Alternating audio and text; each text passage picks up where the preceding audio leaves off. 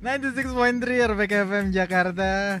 Kita kembali lagi sahabat RPK ya. Ketemu di teman sore untuk segmen TOS T-O-S-S Teman olahraga sore-sore dan sahabat RPK, seperti kita ketahui bersama setiap dua minggu sekali ya. Oh ada kamera, saya ngadap ke sana karena ada partner saya di sana, sahabat RPK. Eh, kita tahu dua minggu sekali ada Coach David Nanulaita ya yang akan memberikan edukasi, pengetahuan dan juga informasi dari dunia futsal, futsal dalam coaching klinik dan uh, Coach David Nanulaita sudah ada di ujung uh, Skype sana. Selamat sore, Coach David. Selamat sore. Eh sedap. Ini sehat Coach David? Sehat, sehat. Sehat ya. Masih iya. ini ya stay di rumah ya. iya, stay di rumah. stay di rumah aja. Oke, sahabat RPK karena kita saat ini siaran memakai uh, fasilitas Skype ya. Jadi mungkin kalau misalnya ada delay mohon maklum gitu ya. Tapi yang penting pesennya dan juga programnya sahabat RPK. Juga rekan Arthur nih ya lagi work from home nih, coach. Jadi Oh iya. nggak bisa sama-sama nih sama-sama dengan kita. Nah, sahabat RPK setelah dua minggu yang lalu kita ngebahas hal yang menarik yaitu yang apa uh, berhubungan dengan uh, inian futsal juga ya yaitu uh, sebuah planning yang di apa ya kalau bisa dibilang coach ya di disampaikan melalui apa namanya cara manual dan juga cara ini ya pakai aplikasi ya pakai yeah. aplikasi wah itu itu keren banget sahabat RPK. Nah kita sekarang masih ini nih sahabat RPK ngebahas soal hal-hal yang teknis. Sebelum kita masuk ke perbincangan untuk sahabat RPK nanti yang kepengen tanya banyak nih soal dunia futsal ya agak melipir-melipir melebar dikit nggak apa-apa. Yang penting masih dari dunia futsal karena ini Coach David Nanulaita akan uh, apa jawab semuanya ya di 0815 1800 empatnya tiga kali. Dan sahabat RPK tentu saja yang berani ya. Yang mau telepon juga bisa ya karena kita lainnya beda jadi bisa nyambung semuanya. 021 8000 empatnya tiga kali sahabat RPK. Dan juga sahabat RPK untuk pembahasan kita saat ini Coach David Nanulaita nih kasih kisi-kisinya dikit yaitu mengenai metode pelatihan futsal. Dan metode pelatihan futsal ini ya coach promo dikit nih. Ini tadi ngeliat yeah. ternyata coach udah punya channel sendiri loh, podcast to podcast. Eh, coach coach tuh coach, coach, ya? coach. Ih, sedap. Asik juga di sana sahabat RPK ya. Bisa ngedengerin coach David Nanuleta secara langsung. Coach, ini soal metode pelatihan futsal coach ya yang mau kita bahas pada sore hari ini ya. Iya, betul. Oke. Coach, mungkin bisa diperkenalkan dulu ke apa sahabat RPK nih kira-kira metode pelatihan futsal itu apa dan bagaimana? Kemudian pentingnya apa nih coach untuk juga uh, di dunia futsal coach? Iya jadi metode pelatihan itu adalah sebuah rancangan atau konsep dalam memberikan latihan yang nanti akan disampaikan kepada pemain agar dapat diterima dan dimengerti oleh pemain. Oke. Okay. oke okay. itu ya? Dan biasanya uh, uh, jadi nanti ada ada beberapa tahapan untuk uh, metode pelatihannya. Hmm, ada beberapa tahap untuk metode pelatihannya. Ini kalau yang namanya udah metode pelatihan, apalagi latihan ini adalah sebuah hal yang gak terpisahkan dari dunia futsal ya, coach ya? Iya. Hmm. Iya betul. Oke, okay. coach. Kalau untuk nih sebelum kita masuk nih, kan tadi ada beberapa metode ya. Saya juga udah melipir sedikit tadi ke channelnya coach gitu. Ternyata kalau nggak salah ada sekitar 6 atau 7 gitu, coach ya ada tahap-tahapannya gitu ya yeah, yang yeah. harus diikuti gitu loh. Nah, soal pelatihan ini coach, kalau misalnya untuk sebuah klub nih, tadi mikir juga untuk sebuah klub gitu coach ya. Itu efektif berapa jam sih dalam sehari coach diterapkan uh, sebuah latihan gitu? Iya, uh, efektif itu latihan uh, biasanya sih dua jam ya. Dua jam dua jam. Hmm. Nah, kalau satu jam terlalu singkat. Terlalu singkat. Kalau tiga jam juga terlalu lama. Jadi uh, pasnya itu dua jam untuk latihan. Pasnya dua jam. Oke. Okay. Iya. Itu udah teori sama praktek gitu coach? Iya, semuanya ada. Jadi hmm. nanti di tahapan tahapan-tahapan itu udah harus masuk dalam waktu dua jam itu. Hmm. Nah, coach ini pengen tahu nih, kalau misalnya kita lihat nih ya, ya di seluruh dunia, terutama kalau orang eh, orang-orang yang nonton ya di sepak bola Eropa gitu tuh biasanya kan uh, kalau para pemain-pemain gitu yang udah di apa ya dikontrak sama sebuah klub tuh biasanya setiap hari kan selalu mengikuti latihan tuh coach ya. Iya. Uh -uh. Nah kalau untuk kita sendiri itu kalau misalnya latihan mandiri kita ada di sebuah klub, apa sebuah klub futsal gitu. Itu batasannya kalau setiap hari kalau kita latihan mandiri di luar dari latihan yang terpusat di apa di klub itu kira-kira berapa lama sih coach? Berapa jam gitu? Kalau misalnya dia pengen lebih mengasah lagi gitu skillnya. Uh, itu bisa mereka bisa nambah hmm. waktu misal uh, sekitar 30 sampai 60 menit. Oke. Okay Mm-mm. Itu mereka bisa mm-mm. nambah untuk porsi latihannya sendiri. Oke, okay. nggak nggak nggak nggak bisa ini coach ya, nggak bisa uh, tambah gitu atau memang ada waktu yang direkomendasikan untuk para pemain-pemain ini untuk latihan, latihan mandiri maksudnya gitu?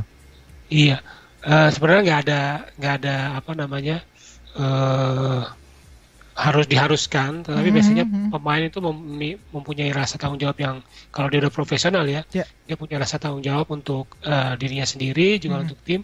Biasanya mereka latihan tambahan sekitar setengah jam sampai satu jam lah. Hmm. Mereka latihan. Tapi gitu. kalau secara ini secara struktural gitu sebenarnya nggak dibatasin juga kalau misalnya para pemain pengen latihan mandiri gitu durasinya ya coach ya? Iya, nggak nggak di nggak dibatasin juga. Mm-hmm. Hanya jangan sampai juga mereka kelelahan gitu. Kelelahan ya. Karena kan ada waktunya istirahat, ada mm-hmm. waktunya latihan. Nah mm-hmm. itu harus dimanfaatkan dengan benar. Iya. Wow. Oke, sahabat RPK ini kita langsung masuk saja di metode pelatihan futsal nih. Ada berapa sih yang mau Coach David perkenalkan nih? Iya, ini ada tujuh tahapan. Tujuh tahapan. Oke. Okay. Latihan futsal. Yang pertama itu persiapan itu hmm. persiapan seperti penjelasan untuk sesi latihan hmm, hmm, biasanya kepada seluruh asisten pelatih ini diberikan. Yeah. Nah, kemudian setelah penjelasan masuk ke sesi pemanasan ini bersama hmm. dengan pemain. Oke. Okay. Uh, waktunya sekitar 15 menit hmm. sampai 15 menit ya. Yeah. Ya. Uh, kemudian setelah pemanasan masuk ke sesi teknik. Teknik. Ya, teknik. Jadi basicnya latihan dasarnya seperti apa, kemudian naik ke sesi keterampilan atau fungsional. Oke. Okay. Nah, lalu uh, kelima itu masuk ke sesi situasi pertandingan.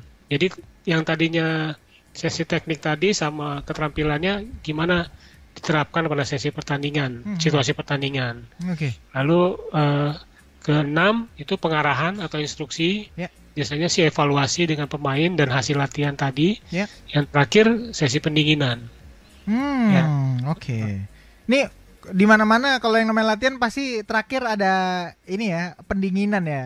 Iya, atau cooling down. Biasanya kita kenal cooling, cooling down. down. Cooling down. Wah, asik. Yeah eh, kayak ini ya iklan apa pengharum ruangan mobil cooling down. eh. Jadi promo gue. Aduh, coach, kita jeda break sejenak dulu ya coach ya. Karena okay. kita udah tahu nih ada tujuh metode pelatihan futsal yang akan diperkenalkan sama coach David dan tentunya juga akan diterangkan satu persatu nih coach ya. Di dalamnya apa aja, yang penting itu di dalam tahapan itu apa aja. Kalau saya sih pengen lebih banyak nanyanya nanti di teknik dan keterampilan. Kan mengasah sebuah skill di dalam sebuah latihan tuh biasanya adalah hal yang agak fundamental juga gitu coach ya.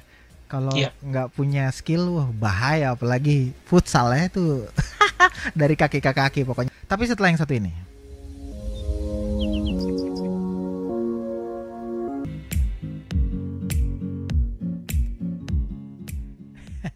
Beginilah jadinya sahabat RPK kalau penyiar merangkap operator juga merangkap operator Skype. Tapi senang karena ditemenin sama coach David Nanulaita sahabat RPK ya, seorang uh, profesional uh, futsal coach ya sahabat RPK yang tentu saja berdomisili di Jakarta tentunya. Dan sahabat RPK juga bisa kontak-kontak dan bisa lihat langsung ya karena Coach David Nanulaita juga cukup aktif ya, terutama karena ada channel YouTube barunya dia.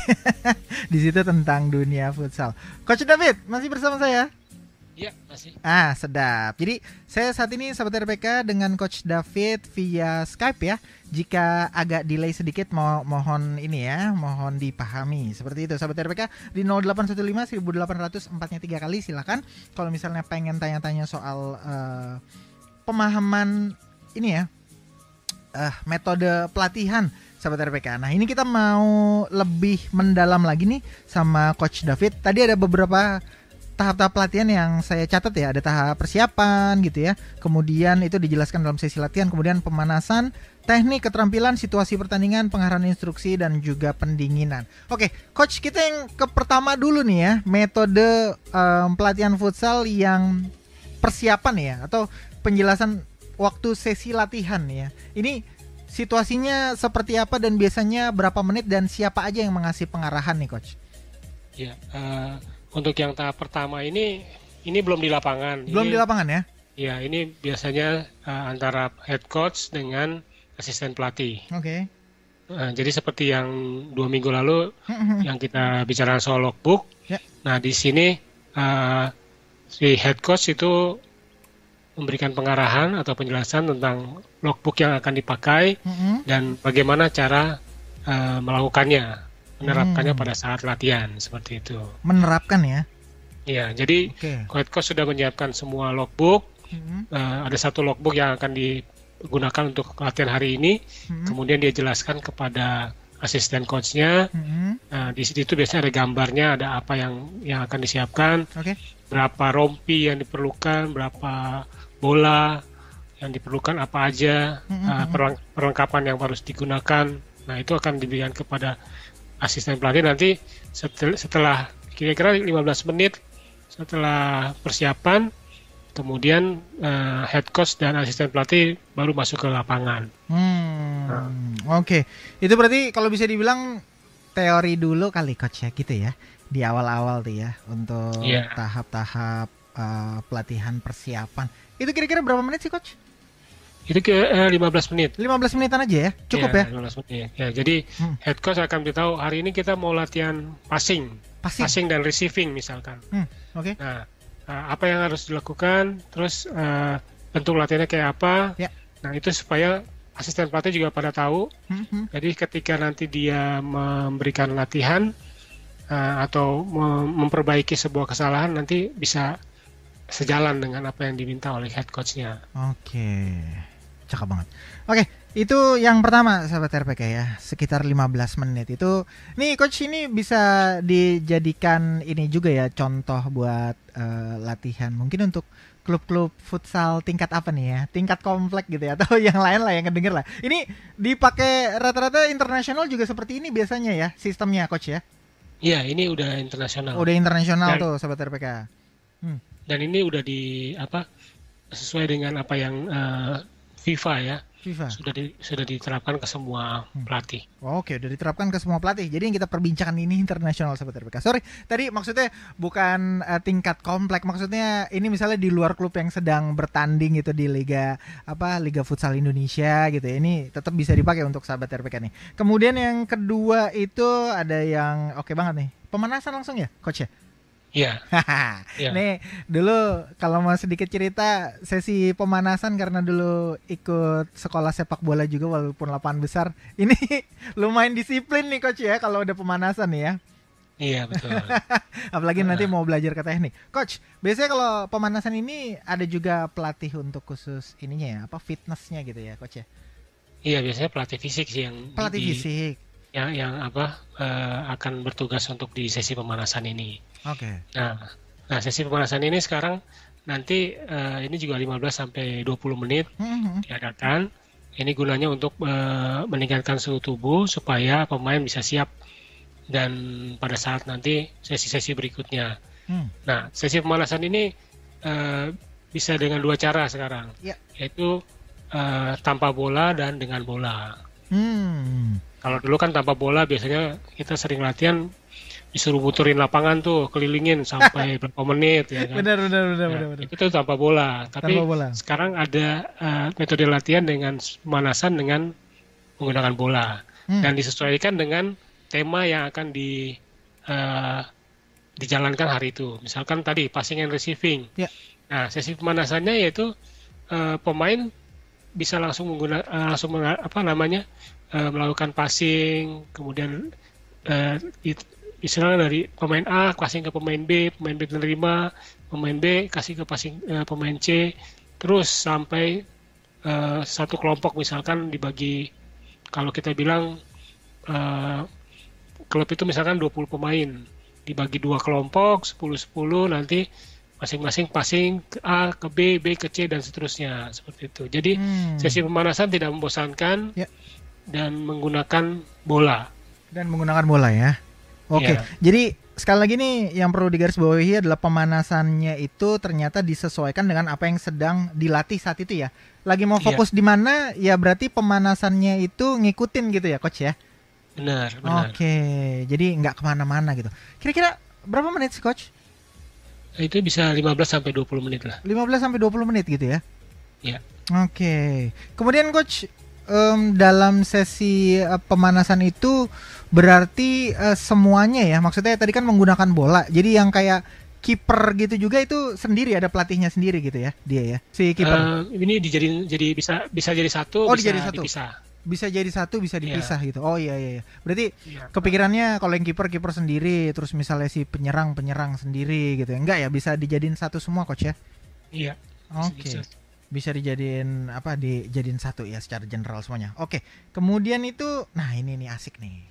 Ini tahap teknik nih coach. Ini mungkin Ya. agak lebih lamakah atau kemudian pertama yang dari durasi agak lebih lamakah dari yang persiapan sama pemanasan. Kemudian yang kedua adalah em, kalau teknik itu apakah juga pada di saat di lapangan si coach juga menjelaskan secara teori kemudian praktek gitu coach? Iya, di sesi teknik ini Hmm. memang agak lama ya, Agak lama ya.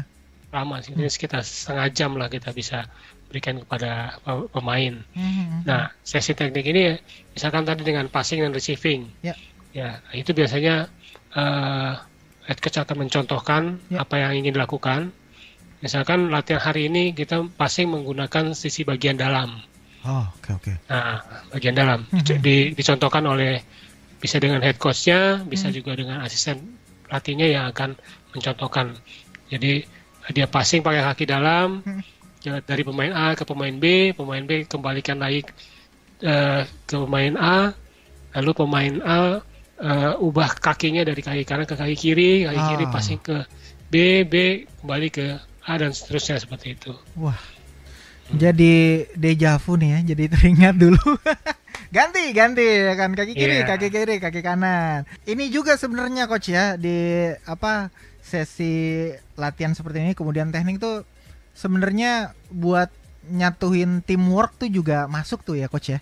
Ya betul bisa. Wah. Nah nanti di sesi berikutnya itu akan dimasukkan. Ah, di sesi berikutnya yaitu di keterampilan coach ya, kalau Ya, nggak salah ya. keterampilan. Nah, jadi Oke. Kalau yang sesi teknik ini Teknik eh, kita bisa juga bilang dengan kita ngelatih taktikal individunya. Tactical individu. Iya, Berarti- berarti- dia tahu Skill perorangan gitu coach. ya skill, Oke. skill perorangan. Jadi dia tahu kapan dia bisa merasakan eh, bobot eh, tendangannya seperti apa. Ah. Ya kan. Nanti kan di, di sesi teknik ini misalkan latihan dikasih jarak misalkan 3 meter. Ya. Kemudian meningkat jadi 5 meter. Kemudian meningkat lagi jadi 10 meter. Hmm. Nah, itu di situ nanti eh, pemain akan merasakan eh, bagaimana dia menendang ke dengan jarak yang lebih pendek, Hmm, hmm. sama jarak yang menengah dan jarak yang lebih eh, jauh. Lebih jauh. Itu pasti eh, bobot tendangannya berbeda tuh. Oke. Nah, itu yang diajarkan pada saat Hmm. di sesi teknik tadi. Oke, kita sampai teknik dulu kita istirahat dulu coach ya. Ini mau Oh. tanda waktu 30 menit dulu. Sahabat RPK, kita baru bahas 3, sahabat RPK masih ada 4 lagi makanya tetap di 96,3 RPK FM Jakarta. Coach to Coach Podcast adalah sebuah podcast yang isinya tentang olahraga futsal yang dimainkan di dalam ruangan empat pemain dan satu kiper. Nah di podcast ini kita akan berbicara soal teknik, taktik maupun informasi-informasi mengenai jadwal dan hasil pertandingan, terutama di Liga Asosiasi Akademi Futsal Indonesia atau AFI. Nah, kita akan menampilkan juga narasumber-narasumber dari berbagai eh, tempat dan pelatih-pelatih yang berkualitas. Semoga obrolan ini bermanfaat bagi pemirsa. Selamat mendengarkan.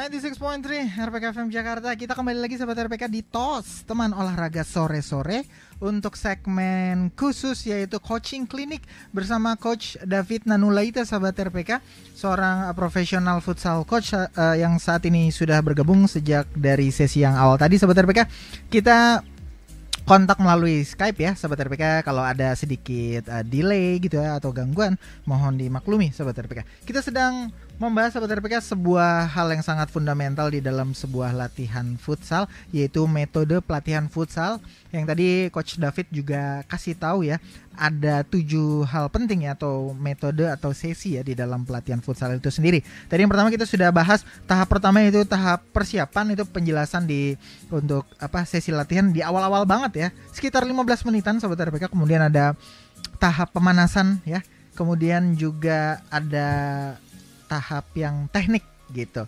Bener kan coach ya? Saya salah nggak? Ya, Bener ya? Sampai apal tuh. Ada tujuh pokoknya. Oke, kemudian setelah ke teknik itu ke keterampilan. Ini bedanya apa ya coach? Yang teknik sama keterampilan gitu. Nah, kalau yang uh, kalau yang teknik kan tadi kan taktikal individu. Jadi taktikal individu. Oke, oke, oke. Ya. Nah, sekarang kalau dimasuki jadi keterampilan atau bisa dibilang seksi fungsional, ya. itu uh, ditekankan dengan tactical teamnya. Tactical team. Nah, jadi kalau tadi uh, latihan ya. hanya uh, satu lawan eh tidak ada lawan, tidak ada, lawan. Tidak ada tekanan. -hmm. Jadi dari pemain A ke pemain B. Ya. Nah sekarang bagaimana dengan caranya untuk melakukan passing tapi ada uh, halangan di depan. Misalkan ada satu pemain -hmm. uh, yang menjadi lawan. Oh, oke. Okay. Nah, jadi nanti uh, pemain yang di tengah itu akan berusaha merebut bola dari pemain yang uh, yang akan melakukan passing. Okay. Ya. Biasanya uh, kita uh, lakukan misalkan dengan uh, tiga orang dengan satu pemain di tengah. Kayak kucing-kucingan gitu, coach? Ya, oh. kayak kucing-kucingan. Kalau sekarang dibilangnya rondo ya. Rondo? Rondo, karena kan dia melingkar ya.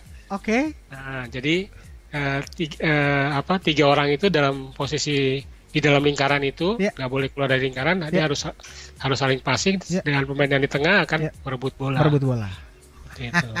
ini ilmu-ilmu dasar tiki taka kali ya jadi tiki taka oke itu berarti keterampilan mungkin lebih lebih kompleks gitu coach ya iya karena kompleks sudah mulai apa tantangannya agak naik sedikit gitu ya iya ada tekanan ya sudah ada Jadi, tekanan oke itu berapa menit coach biasanya kalau soal itu, dari teknik ke keterampilan? Uh, bisa 20 menit atau 30 menit bisa dilakukan. Oh, lumayan lama juga ya sampai 30 yeah. menitan ya. Uh -uh. Oke, okay. karena memang sudah di sesi yang praktek bener-bener praktek gitu ya. Salah yeah. apa uh, latihan lagi, disalah latih lagi gitu ya. Sampai terbiasa yeah. mungkin coach ya.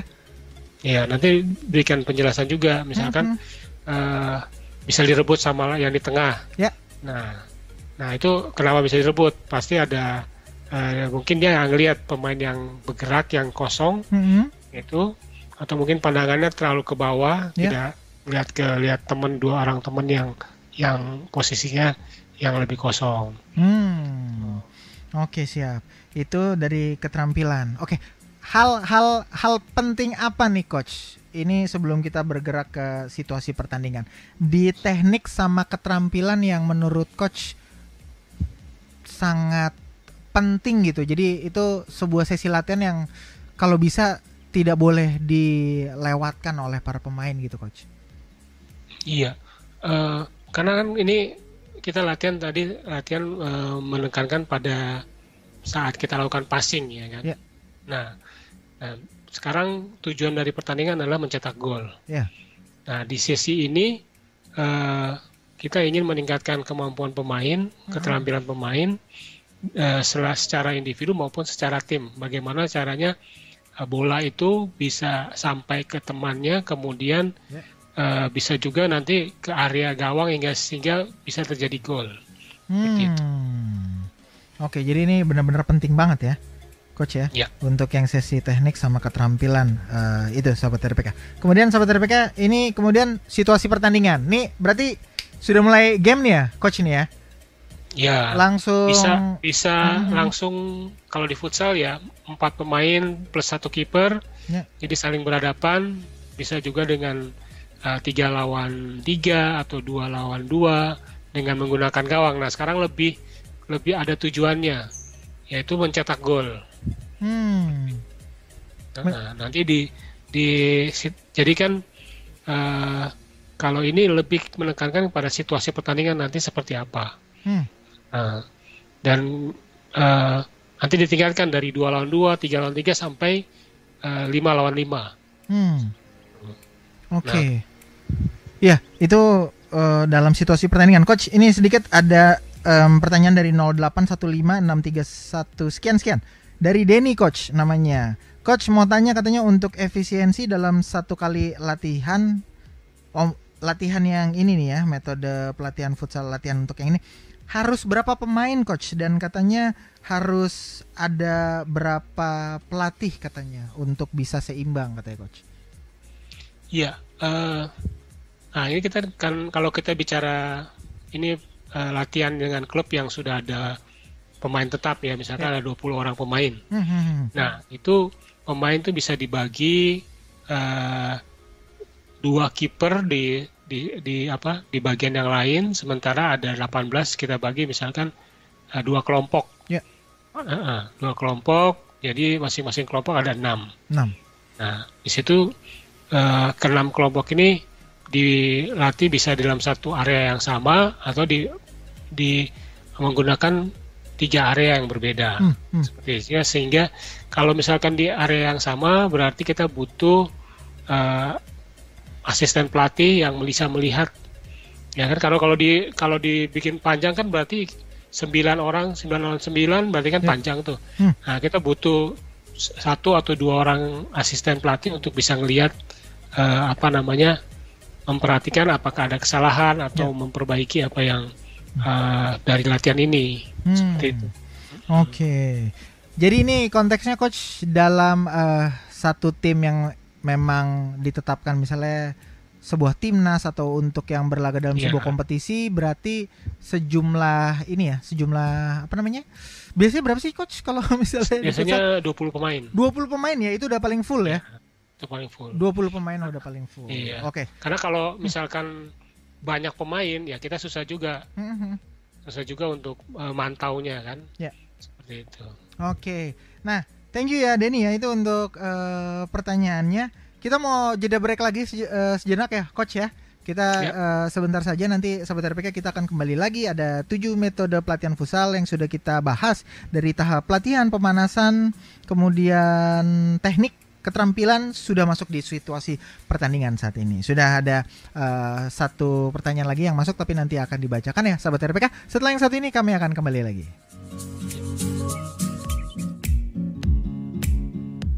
Seperti janji saya tadi sahabat RPK Kita langsung kembali di TOS Teman olahraga sore-sore. Sudah di sesi yang terakhir sahabat RPK Masih dengan Daniel Tanamal di sini Berikut juga dengan Coach David Nano Laita Seorang profesional futsal coach sahabat RPK Saat ini sudah bergabung melalui Skype kita membicarakan metode pelatihan futsal sahabat RPK. Jadi main futsal nggak hanya main aja, udah mulai terorganisir, apalagi kalau untuk sahabat RPK yang sudah berada di dalam sebuah klub sahabat RPK. Coach David sebelum kita masuk nih di dua sesi terakhir ya, sesi latihan maksudnya. Coach ini ada David dari Pondok Bambu. Katanya Shalom coach, katanya mau tanya untuk usia 10 tahun katanya efisien untuk fisik itu berapa menit dan apakah sudah bisa diajarkan teori atau fisik dan game aja dulu ya katanya? Iya, untuk David juga nih ya dari Pondok Bambu. Iya, David. Oh, sama ya, coach. Pondok Bambu juga. iya. David Kalau sebelah mana kali ini? Oke, langsung. Anak-anak ya, anak-anak eh, uh, 10 tahun. Nah, kita bisa gunakan warming up itu dengan menggunakan bola. Oke. Okay. Ya, okay. sehingga anak-anak ya tidak tidak bosan ya. Hmm, hmm. Uh, kalau misalkan disuruh suruh 10 kali keliling lapangan pasti langsung ngeluh tuh. ya, jadi jadi bisa dengan bola hmm. uh, mereka bisa sambil mereka menggunakan bola ya. kita sisipin uh, sesi tekniknya. Sesi tekniknya. Iya. Oke. Uh, dan uh, dibuat se semenarik mungkin. Nah. Ya. Semenarik mungkin sehingga di mereka tuh tidak tidak apa Bosan ya? tidak, tidak merasa kalau merasa lelah yang kedua oke okay. uh, ini ternyata sudah masuk ke sesi teknik gitu oh, oke okay. jadi nggak merasa udah ganti ini ya ganti sesi ganti gitu sesi. ya jadi sesi pemanasan udah kita siapin nih misalkan ya. uh, pemanasannya banyak kok pemanasan yang uh, untuk anak-anak itu banyak uh, ada ada ada ada permainan permainannya juga yang bisa dilakukan dan itu langsung nanti masuk ke dalam sesi teknik okay. sehingga nanti dia sekalian kita ngebetulin cara cara anak itu passing, cara anak itu terima bola dan seperti itu. Iya, yeah, ini kayaknya menarik juga coach ya. Mungkin kapan-kapan kita bisa ngobrolin juga ya soal materi iya. latihan yeah. untuk anak-anak kan. ini gampang teralihkan juga coach ya kadang ya sahabat-sahabat kita ini kalau udah main bola ada apa dikit gitu wah langsung jadi kayaknya emang butuh pelatih khusus ya untuk anak-anak mungkin yang di usia-usia seperti ini coach ya iya jadi mungkin memang mesti ada jalur-jalur ya Ya. Ada pelatih yang khusus anak-anak, ada ya. pelatih ya. yang khusus remaja, hmm, ada hmm. pelatih yang khusus profesional itu ya. harusnya sudah ada di, sudah di kita. Ada. Nih mungkin guru-guru sekolah minggu nih ya yang jadi pelatih untuk anak-anak ini nih kan masih unik-unik banget dan random-random ya sahabat RPK. Yeah. Oke, kita lanjut nih tadi udah ada teknik, keterampilan dan sudah di situasi pertandingan. Coach, nanya lagi yeah. kalau situasi pertandingan ini biasanya uh, memakan waktu durasi berapa menit nih kira-kira coach? Ini bisa 30 menit ya. 30 menitan. Ya? Hmm. 30 menit. Karena okay. nanti di sini banyak koreksinya ntar banyak koreksinya. Oh, berarti yeah. bisa game mulai terus tiba-tiba ada yang harusnya situasi di latihan bisa diterapkan uh, kurang bisa dimaksimalkan akhirnya ini ya coach ya. Iya. Apa di, di di stop dulu gitu terus dikasih yeah. pengarahan ya. Nah, nanti itu hmm. Eh, bahasan yang berikutnya nih namanya coaching proses namanya nih. Oh, uh, oke. Okay. Kita lanjut nih. Apa coaching proses? Coba apa nih coach maksudnya? Ini ini maksudnya nanti pada saat uh, next next berikutnya kita akan ngobrolin soal coaching proses. Jadi kalau saya bisa bilang pada saat lagi latihan, uh, ketika ada kesalahan dari pemain, kita akan stop. Kita akan stop, kemudian kita kasih tahu yang benar yang seperti apa. Hmm. Uh, jadi okay. seperti itu. Okay. Nah, kita kasih tahu yang benar seperti apa, kemudian si pemain uh, coba lakukan lagi yang benar seperti mm -hmm. itu. Hmm, itu hmm. namanya ada yang namanya coaching proses nanti pada saat ini yang mungkin akan kita bahas next time. Oh. Next time kita bahas. Oke, okay. Iya, itu iya. di situasi uh, pertandingan tadi. Oke, okay. setelah situasi pertandingan ini kita masih punya dua yaitu pengarahan instruksi dan juga pendinginan. Untuk pengarahan iya. dulu. Ini yang tadi bukan belum ya? Ini kita belum masuk nih coach ya. Belum, belum. Nih, oke. Okay. Di pengarahan seperti apa nih coach dan instruksi? Uh, mungkin apakah seperti evaluasi dari situasi pertandingan dan juga latihan di hari itu coach? Iya, jadi semacam evaluasi, evaluasi. di latihan hari itu, terus kemudian kita kasih tahu uh, coaching-coaching poinnya, apa yang harus ditekankan, lalu kira-kira mengulang. Ini yang dilakukan dengan benar. Nah, ini akan yang yang kita pelatih mau seperti ini. Nah, itu di pengarahan dan instruksi itu akan kita ulangi lagi kepada hmm. para pemain seperti itu. Ini waktunya nggak banyak sih 10 menit aja cukup. Oh sekitar 10 menitan ya? Iya. Oke sekitar 10 menitan kemudian kita dari pengarahan dan instruksi kemudian masuk ke pendinginan. Pendinginan iya. nih bisa ini... dijelaskan lebih ini nih coach. Pentingnya dan juga memang kenapa sih harus pendinginan gitu? Iya ini kan uh, istilahnya waktu kita pertama kali kita waktu kita mulai latihan kan pemanasan itu suhu tubuhnya kan kita kita kita angkat ya kita ya. kita angkat hmm. kemudian hmm. setelah naik sampai di sesi teknik keterampilan kemudian di sesi situasi pertandingan udah mulai menurun hmm. sedikit nah di pengarahan instruksi itu uh, pemain udah akan lelah dan capek dan kemudian dia harus uh, pendinginan. Nah di pendinginan ini fungsinya adalah supaya tidak men, uh, mencegah terjadinya cedera. Hmm. Nah karena otot-otot yang tegang tadinya udah mereka pakai selama hampir uh, dua jam, yeah. itu kemudian otot-otot kita lemesin lagi hmm. supaya mereka juga tidak uh, cedera karena pada saat latihan seperti itu. Hmm, jadi yang udah panas memang harus didinginin ya. Dinginkan lagi. Oke, coach, mungkin uh, kita udah di akhir dari perbincangan kita nih. Dari metode pelatihan futsal ini nih. Apa sih nih yang coach ingin sampaikan kepada sahabat RPK kenapa metode menjalankan metode pelatihan futsal ini benar-benar harus penting dan benar-benar harus dilakukan? Iya, uh, metode ini harus dilakukan benar-benar dan berurutan mm-hmm. supaya apa yang kita inginkan itu bisa tersampaikan dengan baik okay. uh, sama pemain. Kemudian mm. juga uh, ada fungsi kenapa ada sesi pemanasan di awal dan kenapa ada sesi pendinginan di akhir itu yeah. juga membantu supaya pemain juga uh, tidak uh, apa mengalami cedera. Hmm. Sementara seksi teknik, keterampilan dan situasi pertandingan itu memberikan kepada pemain bahwa uh, ini loh kenapa kita harus menggunakan misalkan tadi passing receiving menggunakan kaki bagian dalam. Yeah. Nah, kenapa kita menggunakan itu? Terus uh, kapan itu kapan uh, penggunaan teknik itu dipakai dan bagaimana hasilnya kalau pada, pada saat sesi pertandingan uh, itu digunakan. Hmm. Nah, ini dengan tujuannya nanti yaitu mencetak gol. Mencetak gol. Oke, satu pertanyaan lagi coach ini yang lupa yeah. tadi di, di apa ditanyakan coach. Kalau di dalam sebuah tim tadi yang full kalau nggak salah sekitar 20 orang gitu coach ya, yang udah yeah. full tim ya. Itu umumnya ada berapa apa nih kalau bisa dibilang uh, kepelatihan gitu uh, untuk staff kepelatihan tuh ada berapa orang sih coach termasuk si pelatih utama sendiri. Umumnya berapa berapa orang tuh coach untuk menangani 20 orang alias satu tim ini? Ya, umumnya itu ada head coach, ada hmm. asisten coach. Yeah. Itu bisa satu atau dua orang. Oke. Okay. Ya kalau oke okay lah kita pakai uh, satu orang misalkan. Yeah. Kemudian ada pelatih fisik. Yeah. Lalu ada pelatih kiper. Pelatih kiper, oke. Okay. Iya. Kemudian uh, bisa juga kita gunakan uh, tambahan misalkan ini kitman, kitman. gitu ya untuk okay. uh, untuk bantu-bantu hmm. pada saat uh, Eh, beres-beres bola beres, atau semuanya. Bola. Hmm. Kemudian bisa juga ada tambah dengan dokter tim. Dokter tim. dokter tim dan uh, ya saya kira namanya juga cukup sih dokter tim bisa dengan sekaligus di ahli gizi. Hmm. Uh, kalau mau ditambah juga dengan uh, fisioterapis, fisioterapis ya. uh, yeah, untuk yeah, supaya otot-otot yang tadinya apa tegang, tegang oleh para pemain pada saat latihan hmm. itu bisa di uh, ringankan yeah. seperti itu itu Atau, biasanya mereka saling yeah, bantu dengan pelatih fisik sih seperti itu. Atau biasanya kalau terjadi cedera gitu ya coach ya, mungkin bisa dilakukan penanganan lebih lanjut oleh fisioterapi gitu ya.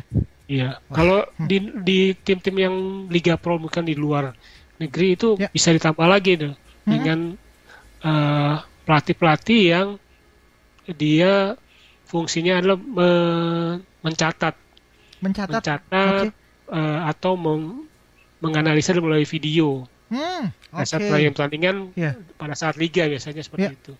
Jadi gunakan, jadi setelah selesai dievaluasi pun ada iya. evaluasi berdasarkan pertandingan tadi ya melalui iya. pemain-pemain ini ya. Gimana pergerakannya, berapa kali passing seperti itu ya coach ya. Wah. Kalau mau lebih profesional lagi ya.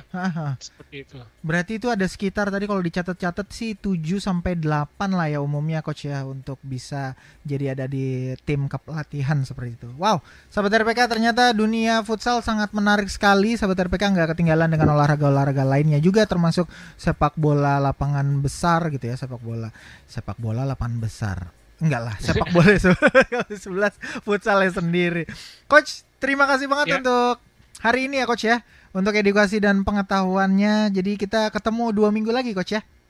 Oke. Okay. Oke. Okay. Terima kasih Coach David Nanulaita, sahabat RPK. Itu tadi adalah uh, narsum kita untuk sore hari ini di segmen coaching klinik ya. Uh, beliau adalah seorang profesional futsal futsal coach ya yang sahabat RPK juga bisa komunikasi sama dia terutama untuk David yang ada di Pondok Bambu tadi Oke sahabat RPK terima kasih untuk kebersamaannya selama kurang lebih 60 menit ini ya Daniel Tanamal pamit undur diri kita ketemu lagi minggu depan di jam dan hari yang sama di TOS teman olahraga sore-sore tetap jadi berkat jadi dampak untuk sesama. Bye bye. bye.